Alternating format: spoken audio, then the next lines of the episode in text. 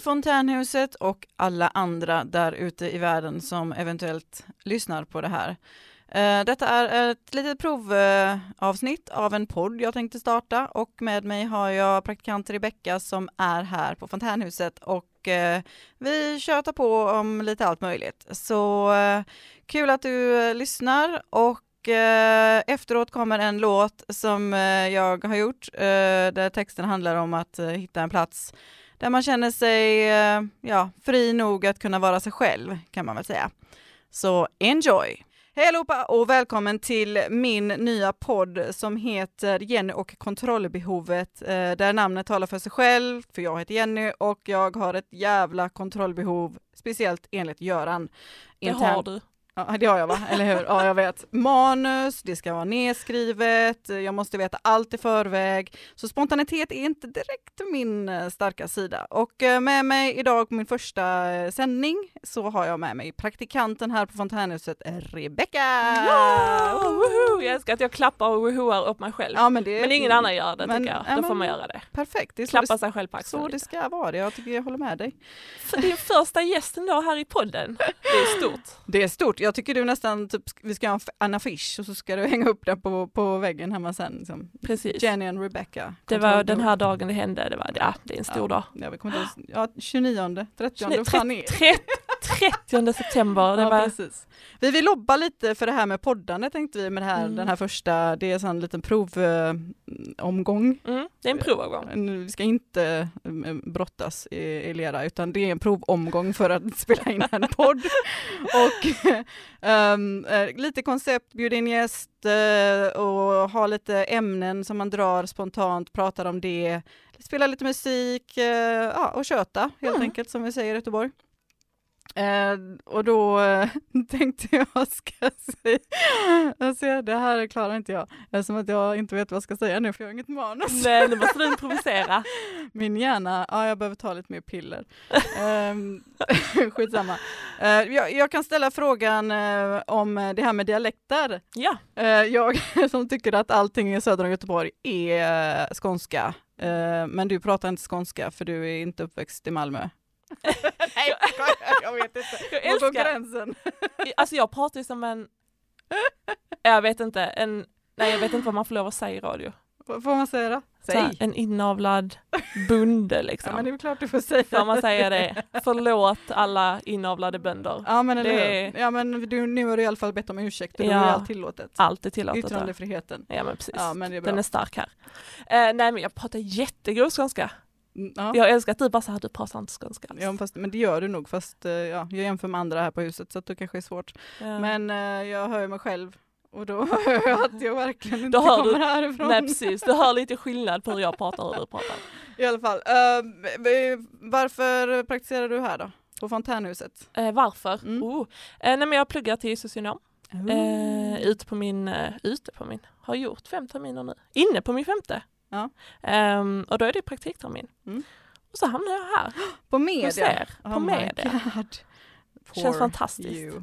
Nej, Nej, inte jag alls. Jag älskar att vara här. Mm. Um, ja, men det, vi har men det är ovan, alltså det, mm. det, är ett, det är ett konstigt hus på ett bra sätt. Mm. Alltså, det är en bra beskrivning. Ja men det är det, alltså det är så härligt men uh, mycket blandade människor. Ja, mm. Gött. Ja men vad bra. Vi, så att nu då när vi ska införa det här i radion, för vi har ju livesändning eh, nästan varje torsdag klockan två mm. och eh, då brukar vi vanligtvis ha ett sånt som vi kallar ett kaféprogram där vi alla medlemmar får göra olika inslag och så, så har vi programledare och så vidare. Men nu har vi också infört det här poddformatet då så att eh, man ska kunna sitta ner och prata och så, så är det förinspelat och så eh, sänder vi det antingen på livetider eller att vi lägger ut det på vår hemsida. Mm. Så att eh, så det här är kom till radion och eh, spela in vad ni vill. Precis, och bli inte avskräckta av det här för att eh, det ja, finns risk. Det finns risk. Men eh, det är skitbra. Vi har köpt in nya mickar och grejer oh. till Mats för affären. Så att, ehm,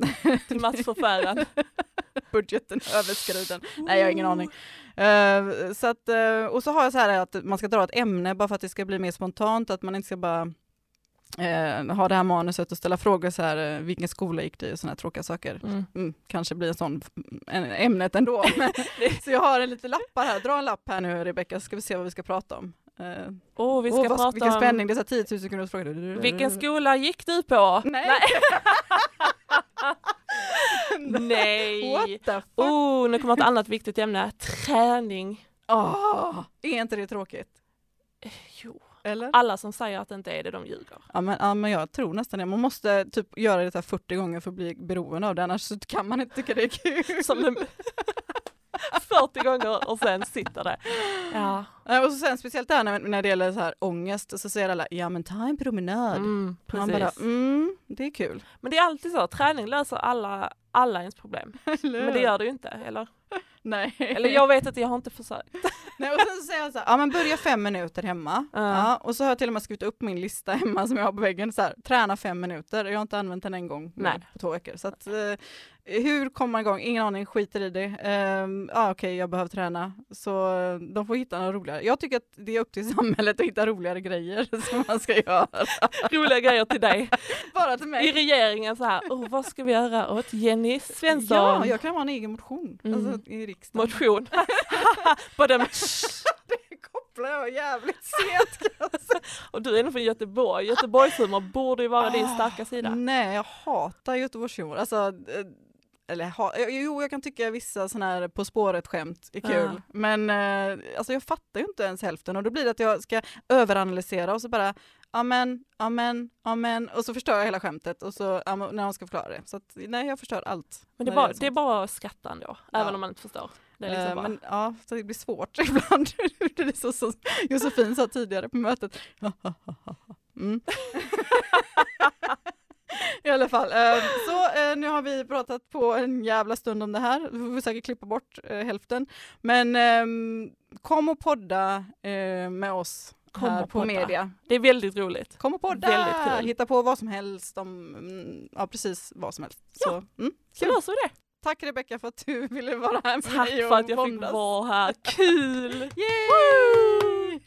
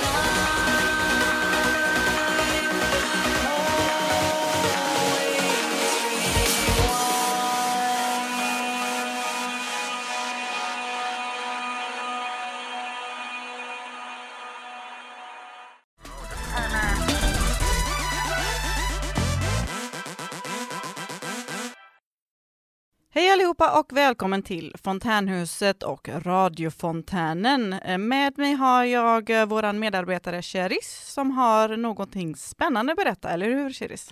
Ja, den 23.11 har vi ju en stor gala på gång. Mm. Och eh, det är ju faktiskt på Palladium, så gå gärna in och köp biljetter och gå dit och titta. Mm. Vilken när händer detta? Det är den 23.11. Mm. Och det handlar om? Det är, handlar om känslor, man pratar om känslor, både tunga och lätta känslor kan man väl säga, lite blandade. Ja, vad spännande. Det låter som något för mig. Precis, och de har ju livepublik den här gången, det hade de inte på premiären. Ja, okej. Okay. Och du har gjort en intervju om detta? Ja, det mm. har jag gjort och här kommer den. Mm. Tack Varsågoda. Så mycket. Tack så mycket, då ska vi lyssna. Då vill jag hälsa er välkomna till denna radiosändning som är en studiointervju. Och vi, idag har vi två stycken livegäster här. Och jag tänkte ni skulle få presentera er och säga vad ni arbetar med. Hej, jag heter Hej. Sissi Glave och är producent för Känslogalan.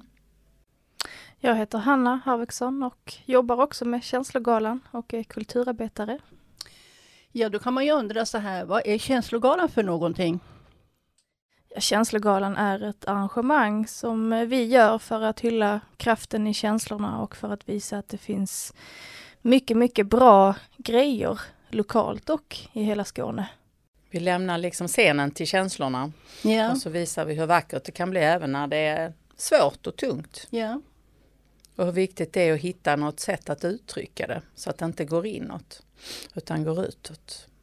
På ett bra det låter sätt. bra. Mm.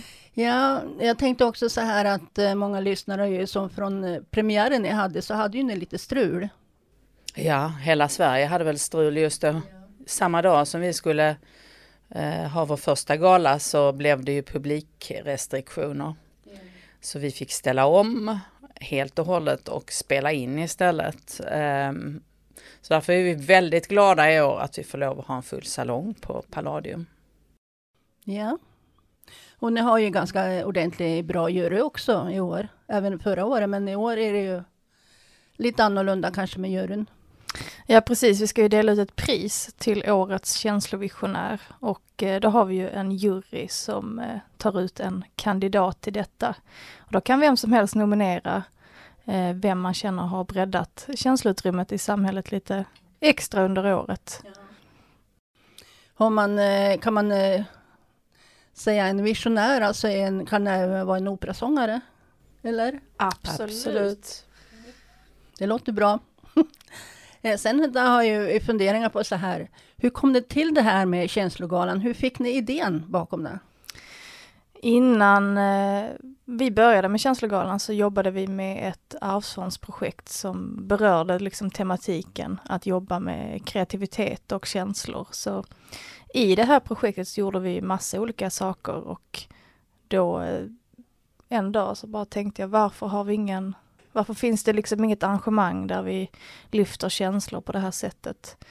Och då föddes ju idén till Känslogalan i det projektet. Och sen tyckte vi det var så roligt så att vi fortsatte.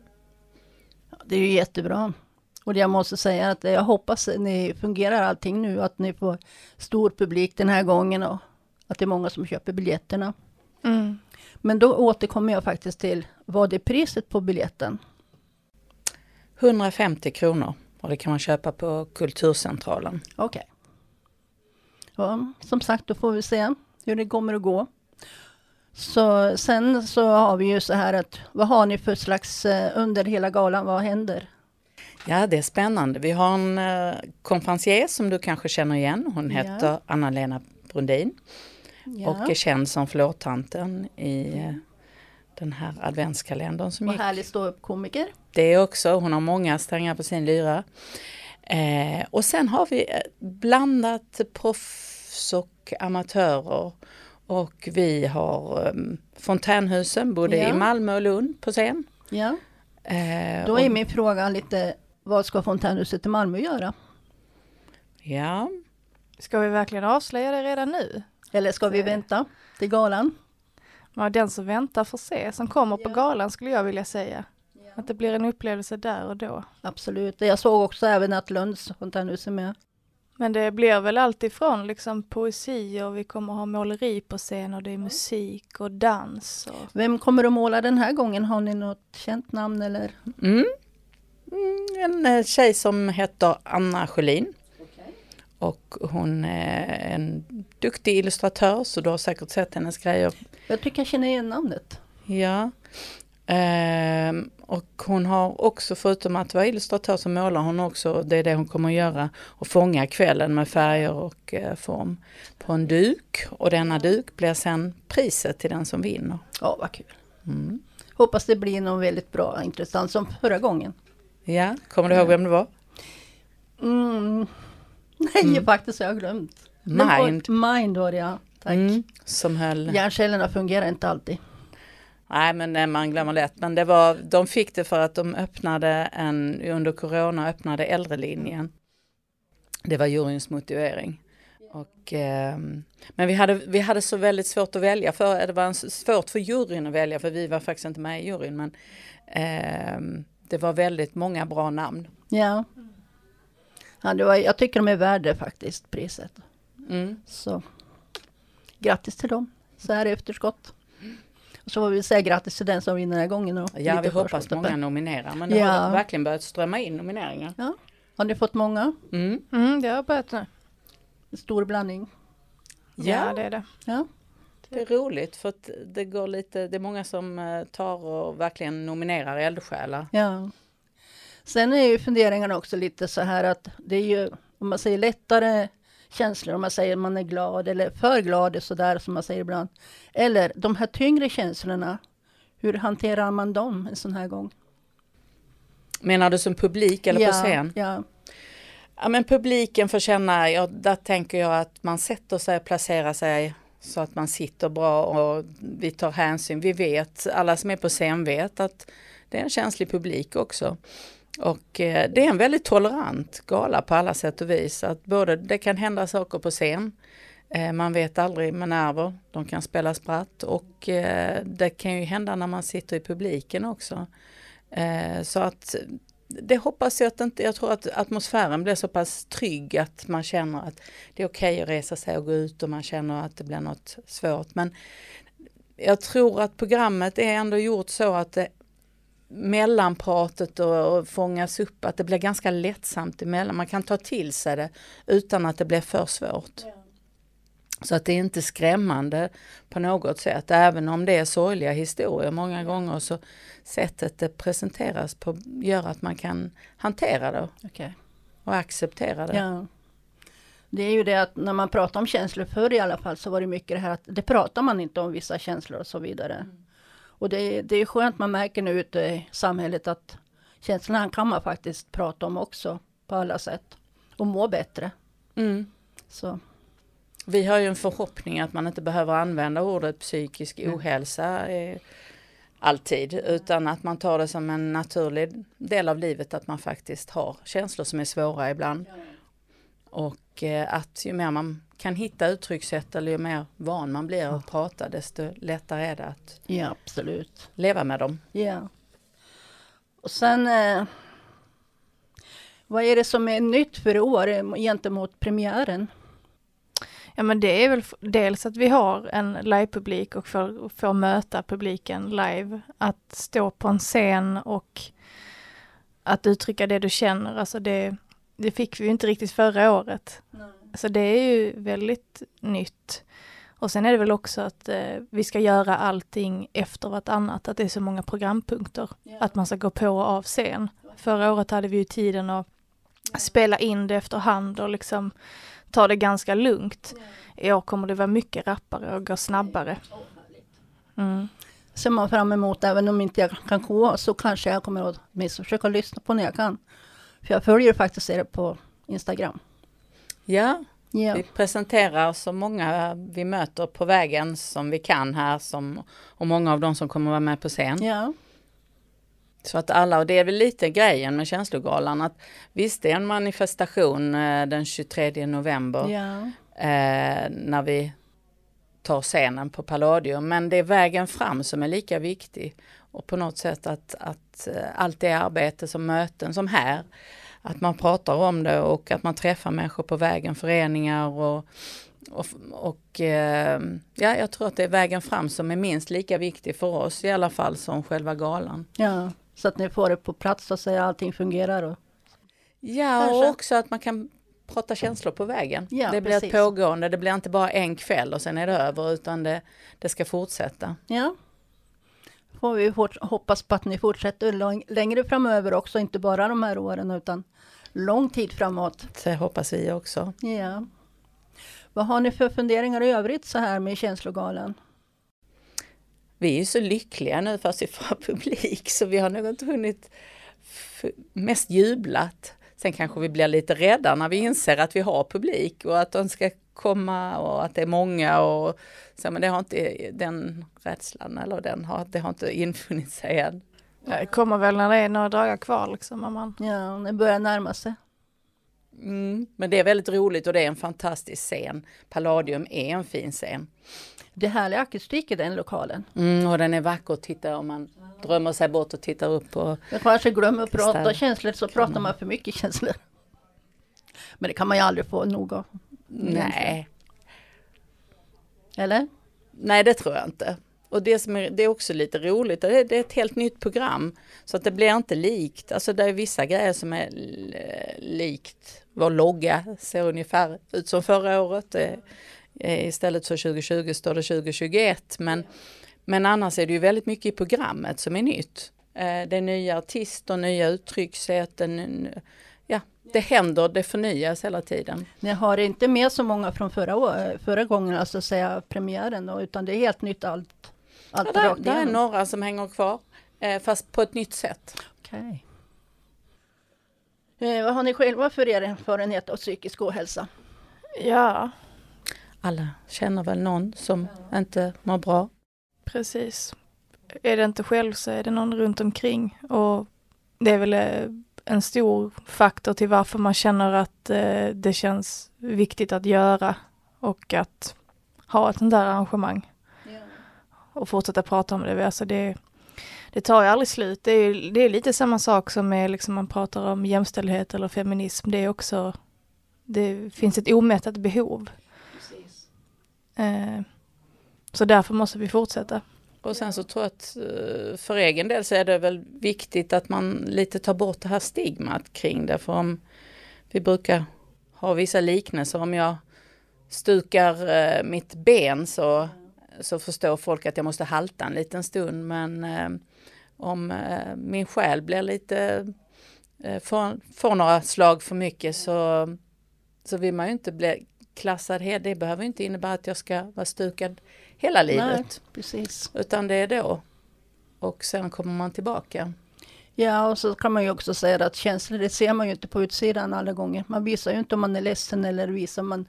Man visar ju framförallt man är glad, men när man är ledsen då går man gärna kanske och kryper undan lite och sånt här. Ja, och speciellt nu med sociala medier där man bara visar hur glad och fantastiskt liv man har. Det måste ju vara jättemånga som går och undrar vad det är för fel på deras egna liv. Ja. När man inte eh, jo, bara ja. har rosenrött. Ja, alla tror ju det att eh, allting är tipptopp, men det är det ju inte. Inte ute i samhället om man säger så. Nej, Nej. Ja, då har jag en sista fråga. Varför behövs det en känslogala? Men det är väl lite som vi sa innan att eh, det kan aldrig liksom bli man kan aldrig prata för mycket om det här. Och vi har ju aldrig haft en känslogala. Vi är ju först här i Malmö som gör det. Och eh, jag tycker också att det visar på förra året när vi hade galan, även fast den blev livestream och det blev restriktioner, så fanns det ett stort intresse. Mm. Och det var väldigt många som ville vara med och ställa upp och det tycker jag visar på också att det är många som tycker att det här är viktigt. Det har ju varit ett ämne som man har tagit upp och liksom jobbat med ett par år men det får inte bara bli en trend som försvinner. Utan det är ju roligt om man kan liksom behålla den här aktualiteten lite till och eh, förnya och förändra vår inställning till det här med känslor. Absolut och ni, jag måste säga jag med mig, med många andra lyssnare här, så är det ju faktiskt, vi håller på er och vi tycker att ni gör ett himla bra jobb. Åh, det känns så skönt. Underbart. Ja, och nu tänkte jag att vi skulle få höra lite musik med Hanutten. Säg vad som känns och varför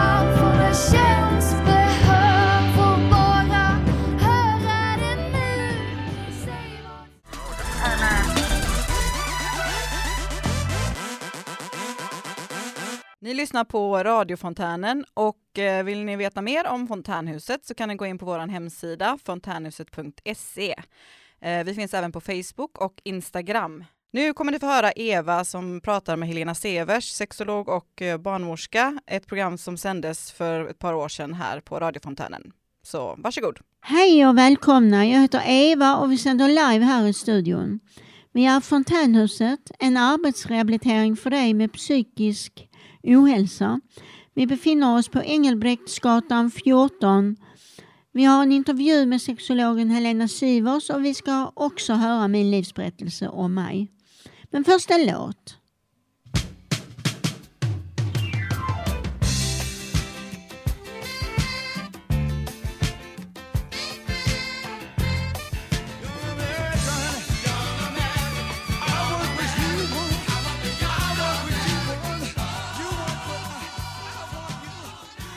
Ja, vi har lyssnat på David Bowie med Young American.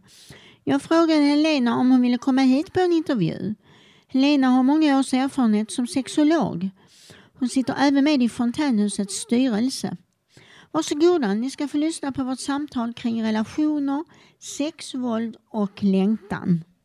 Jag har med mig en väninna här, barnmorska och sexolog. Hon heter Helena. Välkommen. Tack så mycket. Mm, trevligt att vara här. Ja, vad roligt att du kunde komma. Mm. Jag har utarbetat lite frågor till dig. Ja, Så det är jag är väldigt spänd. vi se om jag kan svara på det. Mm. ja. Hur arbetar du med sexualitet i jobbet? Jag driver då en sexologmottagning och där har jag varit sexolog sedan början på 80-talet. Och eh, på en sexologmottagning är det alla åldrar. Det är från 16-17 år upp till 90. Jag nog är den äldsta patienten jag har haft och jag har varit omkring 90 år. Arbeta antingen med enskilt, med en, en man eller kvinna, eller ett par eh, som lever, som är en, en kär, i en kärleksrelation. Mm. Och det vanligaste problemet som paren söker för är helt enkelt att de har kommit i otakt i sexualiteten. Den ena vill mer än den andra. Varför pratas det så lite om sexualitet när det gäller människor med psykisk ohälsa? Ja, överhuvudtaget tycker jag att man pratar alldeles för lite om personer med psykisk ohälsa.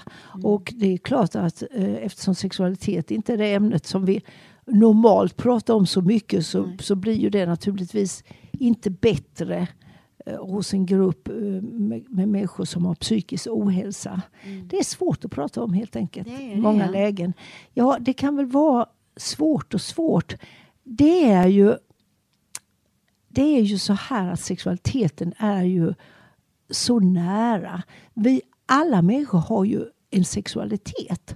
Vare sig man vill eller inte så har man ju en sexualitet. Mm.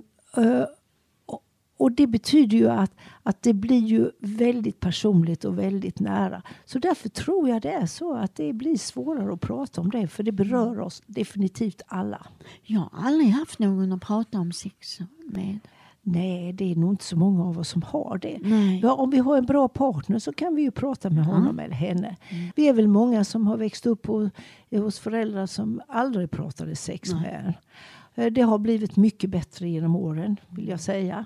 Och sen kan det ju vara svårt att prata om, för det är ju väldigt intimt med sexualitet. Ja, det är det ju. Mm. Det är intimt. Så det, och ibland kanske det är bra att vi har en integritet om vårt eget sexliv, att vi inte blottar det till höger och vänster. Men det är ju inte fel att inte göra det. Absolut inte. Det är det Men ju nej, inte. Absolut inte. Det är Där- bättre att vara lite grann eh, noggrann på vad man pratar om. Ja, det kan jag tycka också. Mm. Att man inte ger ut sådant som man sen ångrar att man Nej. har pratat om sig själv. Jag tror att det är så med sexualiteten. Att vi är helt enkelt lite blyga många gånger att prata om det. Och kanske så ska vara.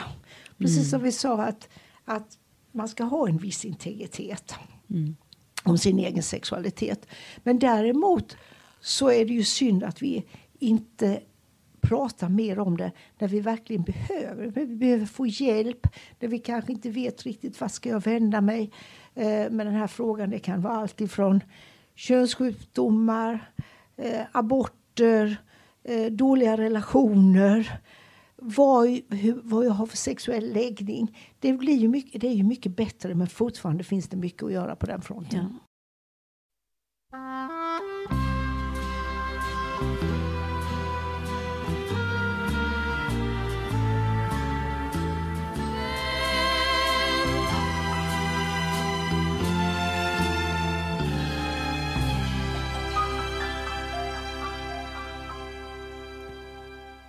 Och det var Agneta Fältskog vi lyssnade på med Om tårar vore guld. Vi sänder här live på Engelbrektsgatan 14. Vi fortsätter här med vår intervju med Helena som är sexolog. Pratar äldre och pensionärer om sex, vad tror du? Ja, eftersom jag själv är till åldern kommen och typisk pensionär så eh, kan jag ju säga det att jag tror att det är en myt det där att inte vi pratar. Mm. Vi pratar, vi är ju, ja, många av oss pensionärer är ju första generationens p-pillerätande kvinnor. Ja. Så vi fick ju vara med där och verkligen prata om sexualitet och hur detta fungerade. Ja. Eh, och eh, jag tror inte att det är mindre prat bland pensionärer än vad det är bland unga människor. Jag tror snarare att det är en myt. Men det låter bra. Ja. Är det viktigt att lyfta en fråga om sexualitet? Jag tycker det är viktigt att lyfta en fråga om sexualitet. För då kan jag som motparten, vem, som, vem det nu är som ställer frågan, säga och, och, och kanske få svar på frågor som jag undrar. Eller kan jag bara säga ja, det är helt okej. Ja, och då får jag bli respekterad för det. Ja, det låter bra. Mm. Men att få med sexualiteten som en viktig del i livet. Ja. Så tycker jag är viktigt. Att det finns inte bara prata exempelvis i sjukvården om kost och motion Nej, nej. och vad man ska undvika utan också titta på hur har, har jag det med min sexualitet? Är den bra? Är jag nöjd? Har jag några bekymmer? Vill jag, vill jag diskutera det eller inte och bli respekterad för det? Det tycker jag man ska bli Ja, respekterad. Det är ju en del av livet. Det är ju det. Ju. Ja.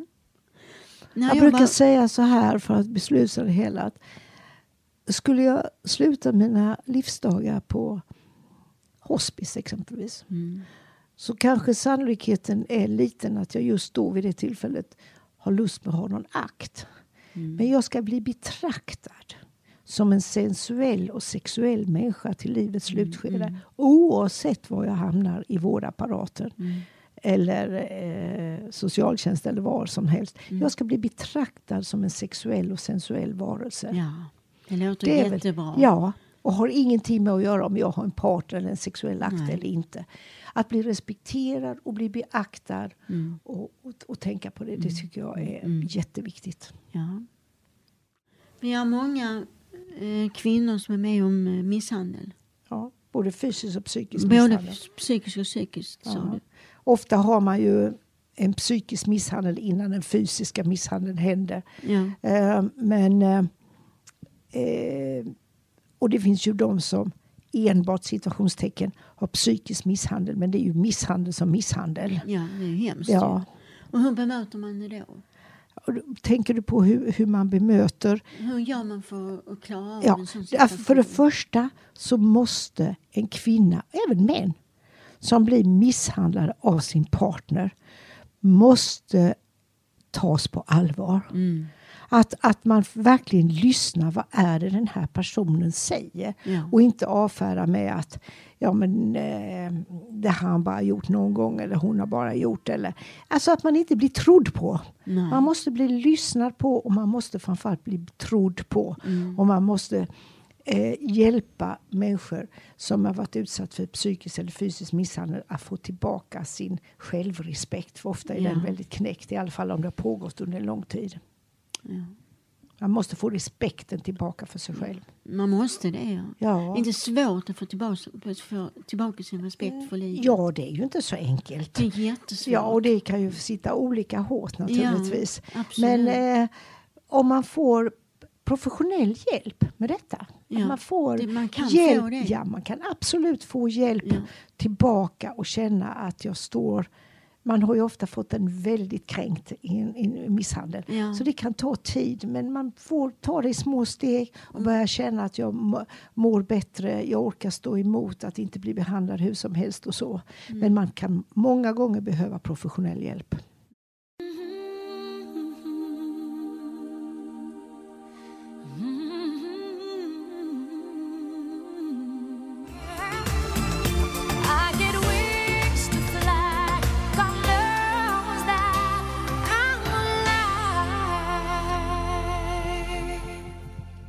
Okej, och vi har lyssnat på Celine Dion, låten I'm alive. Vi lyssnar på Radio Fontänen 89,2.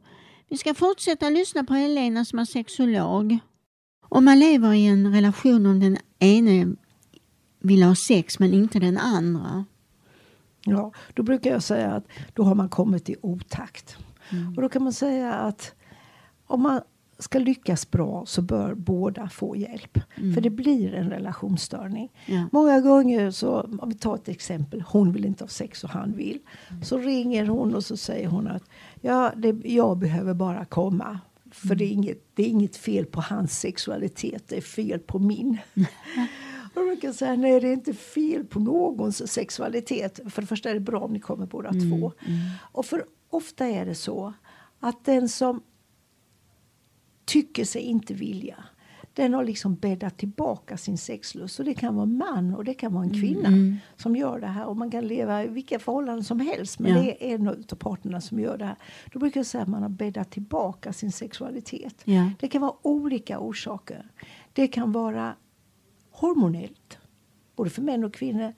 Det kan vara eh, depression, det kan vara nedstämdhet. Man tycker inte om sig själv, citationstecken. Det kan vara en relationsstörning.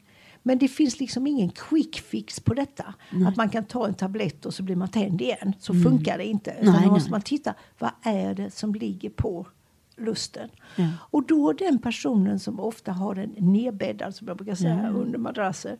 Den känner sig må- många gånger skuldmedveten. Eh, blir ledsen på sig själv. Varför tänder jag inte på han eller henne? Eh, varför är det så här? Ja, och det blir mycket skuld och, eh, och ledsenhet i detta. Ja. Partnern man lever med som då hela tiden längtar efter eh, sin partners närhet, längtar efter ömheten, längtar efter kyssarna som han eller hon oftast inte får. Därför att den andra parten vill inte väcka björnar som sover. Alltså så försvinner närheten, ömheten och kyssarna. Vilket gör att den parten som då tycker att den har lust eh, kan känna sig väldigt åsidosatt, känna sig väldigt ensam. Ja. Och eh, saknar sin partner helt enkelt. Ja. Och det är inte den sexuella akten som kanske är det viktigaste utan Nej. det är all den andra biten. Man kommer in i ett ekorrhjul som man behöver ta och lösa. Eh, om, om vi ser ett sånt par så får man ju bena upp och se vad är orsaken. Är det en dålig relation så kan det ju hända att det är familjeterapi som behövs. Va? Men om det inte är det utan det är egentligen bara att man har kommit in i ett ekorrhjul så jobbar vi med någonting som heter, vi sexologer, något som heter sensualitetsträning. Jag tycker det är ett tråkigt ord så jag säger eh, gossesex. Mm. Det vill säga partnerna får gå hem, eh, om vi tar då man kvinna, eh, så ska hon ha trosor på, han ska ha kalsonger på och så ska man ha sex två gånger i veckan utan att röra varandras könsorgan. Så kan man säga att det är lättfattat eh, förklarligt är. Och det är det att båda parterna börjar komma nära varandra igen utan att det ställs krav att det till varje pris ska bli samlag. För det är ju det som den partner som inte vill ofta drar sig undan. Ja. Och då kan paret komma väldigt nära och börja känna, ja men jag har ju lust. Det var inte så farligt. Alltså man bryter en cirkel. Ja. Det behöver inte vara mycket större problem. Det kan vara andra problem också. Men jag vill bara säga att det kan vara ganska, ganska enkelt när man bryter det här negativa mönstret. Att återkomma till och se att jag har visst lust till min partner. ja, men det Min partner har lust till mig. Mm. Det, det brukar vara ett väldigt effektivt sätt. Ja, ja.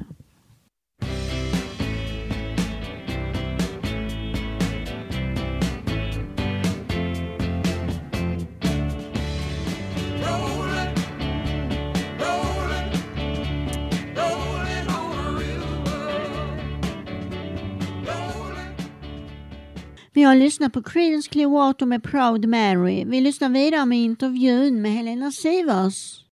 Jo, jag satt och tänkte på det här med relationer och livspartner. Ja. Det här med att han, man har en kompis som man alltid ställer upp för en. Mm. Är jag ledsen så kan jag ringa min partner, som i mitt fall är en man, man så kan jag ringa till honom. Och han, alltid så tröstar han. Mm. Eller om jag ringer och är väldigt glad, för det har hänt med något positivt, så är han den som säger Gud vad roligt och vad härligt för dig. Mm. Och så, va? Mm. Har man en dålig relation så om man ringer hem när man är ledsen så säger partnern kanske ja, det var ju väldigt, eh, det har jag ju talat om för dig, du ska inte gå dit och, och Nej. bli ledsen om igen och varför går du dit och så va. Och då tystnar man ju. Nästa gång så ringer jag inte till honom därför att han, han hela tiden, han, han ställer ännu inte upp på, på mig om jag är ledsen va. Nej, är det som är ju. Det är Eller om det har hänt med något kul. Och så ringer jag hem och så säger han, vad hemskt vad du skryter om dig själv. Ja. Det gör ju att nästa gång det händer med något kul eller någon person säger något fint till en eller så, då slutar jag, då ringer jag ju inte. Nej, man alltså man tystnar ju ganska snabbt i en sån relation. Och för mig är inte det en bra livspartner. Nej. Det är ju just den här att både få vara ledsen och få vara glad. Ja. Om man inte har ömheten och närheten och det sexuella klimatet eh, så, så klart att man kan leva ihop ändå. Men vill man det? Ja, det får ju var och en ställa sig själv. ja, det får man. Mm. Sannolikheten är ju liten att man Ja. tycker det är så kul. Mm. Har man ingen ömhet, har man ingen närhet, man till och med kanske föraktar varandra. ehm, man, mm, man har slutat att prata med varandra. Mm.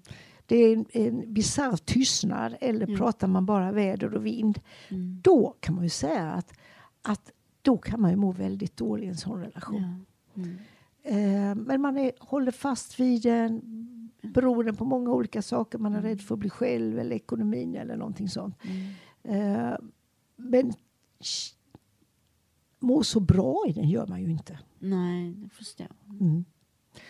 Eh, om man bor ihop och har en bra kärleksrelation Mm. har man ju oftast bättre ekonomi eftersom Ja. man är två som delar på det. Ja. Men det är inte det ska, som ska vara avgörande. Utan det är ju det här ömhet, närhet, någon, en sexuellt klimat. Mm. Eh, vara varandras livspartner Mm. eh, är ju livskvalitet. Mm. Och har man inte det så är det faktiskt bättre att leva själv. Det tror jag också. Ja, för då, då behöver man inte reta sig och man behöver inte bråka. Man bara sig man- själv att tänka Man på. har bara sig själv att tänka på. Mm. Alltså det är ju mycket, mycket enklare att leva ensam, ensam än Mm. ensam i tvåsamhet. Mm. Jo, jag förstår vad du menar. Mm. Om man sitter i en sådan situation kan man ta kontakt med någon då som en psykolog eller? Ja, man kan ta, framförallt, ta- man kan ta framförallt kontakt med familjerådgivningen. Ja, familjerådgivning? som par eller man kan även som enskild person komma dit. Det kan man? Ja, Mm. Och prata liksom hur ska jag göra och hur känner jag Mm. och är det här rätt Mm. och så. Mm. När jag var ung hade jag inte så mycket sex. Tror du jag har missat mycket i mitt liv? Nej, så nej. Alltså, vad är mycket sex och vad är unga år? Ja, man kan ju säga så här att om jag har haft bara en partner i mitt liv och debuterat sent i livet så kan jag ju ha ett betydligt mycket bättre sexliv än den som har haft 100 partner före 20 år. Ja. Alltså det har ju inte med antal partners Nej. eller vilken ålder jag började med det. Utan det handlar ju om att jag har gjort det här för jag vill det. Och jag har Mm. sagt ja och jag har sagt nej. Ja, ja. Så det är inte så att du har missat mycket. Nej, nej. Det är Det inte fel det. Att... Det behöver Eva, det tror jag inte alls. Men att ha en bra sexualitet handlar inte om när jag började och hur många partners jag har haft. Utan det handlar om, vill jag detta? Ja, verkligen. Det kan ju vara så att man inte har träffat någon man vill ha sex med för man är 30 år. Nej, Men så what? Det är inte så att man missar en massa i livet. Nej. Eh, utan eh, snarare tvärtom att det kan vara så att man har varit rädd om sig själv Mm. många gånger än att säga ja. Det, det är väl inte fel det att vara Nej, nej, nej, nej, absolut inte. Nej.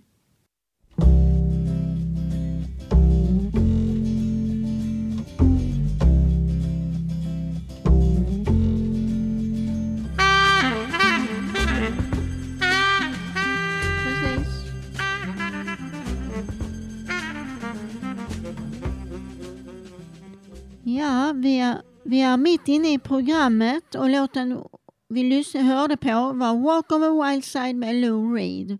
Och vi tackar Helena för en fin intervju. Vi har fått tips om hur man lever ett samliv, hur man löser problem kring sitt sexliv. Och efter nästa låt ska vi lyssna på min livsberättelse.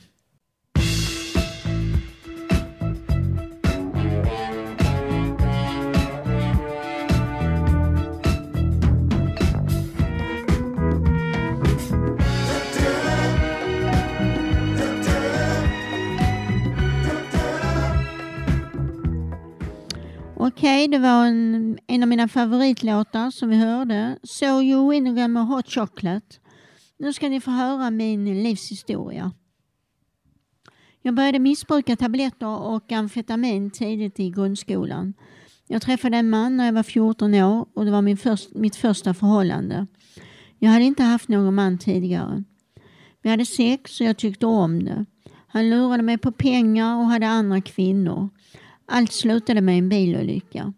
Han fick ett fängelsestraff på Roxtuna kriminalvårdsanstalt och jag hälsade på honom tillsammans med hans föräldrar.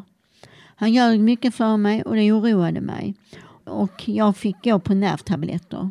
Sedan dess har jag inte haft någon relation. Jag träffade en annan man som jag blev kär i som heter Jörgen. Vi gick båda på heroin och tabletter.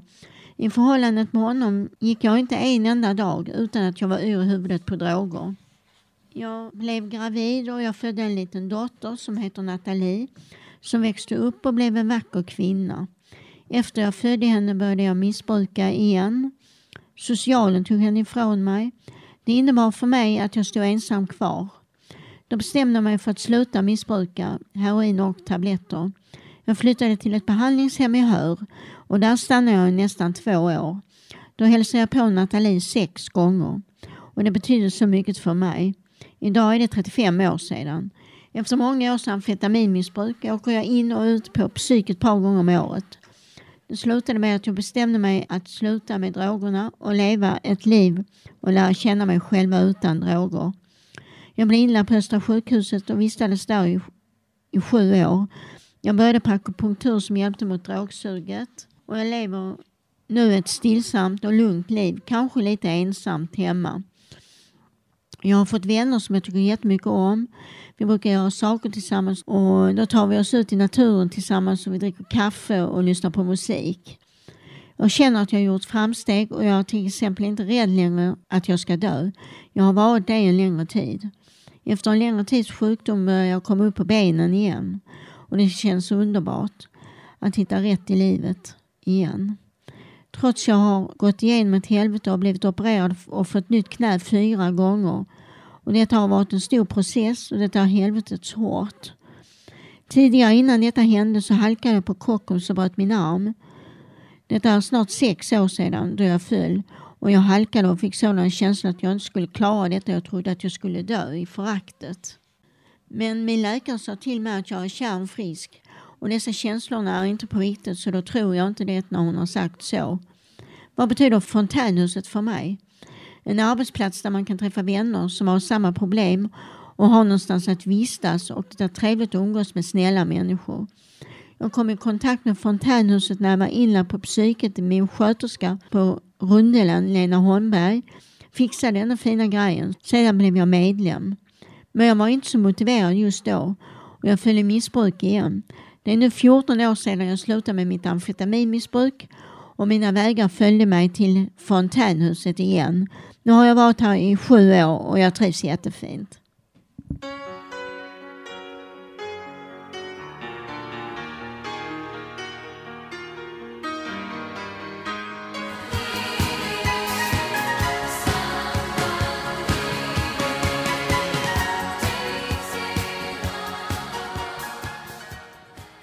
Ja, det var The Winner Takes It All med ABBA. Ja, vi närmar oss slutet på vårt program.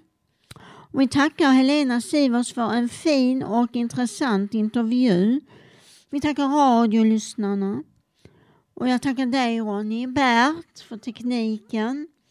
Och sedan en liten hälsning till alla mina vänner i Malmö. Jag älskar er allesammans. Ha det så bra. Vi hörs nästa vecka. Hej hej, kram kram. And I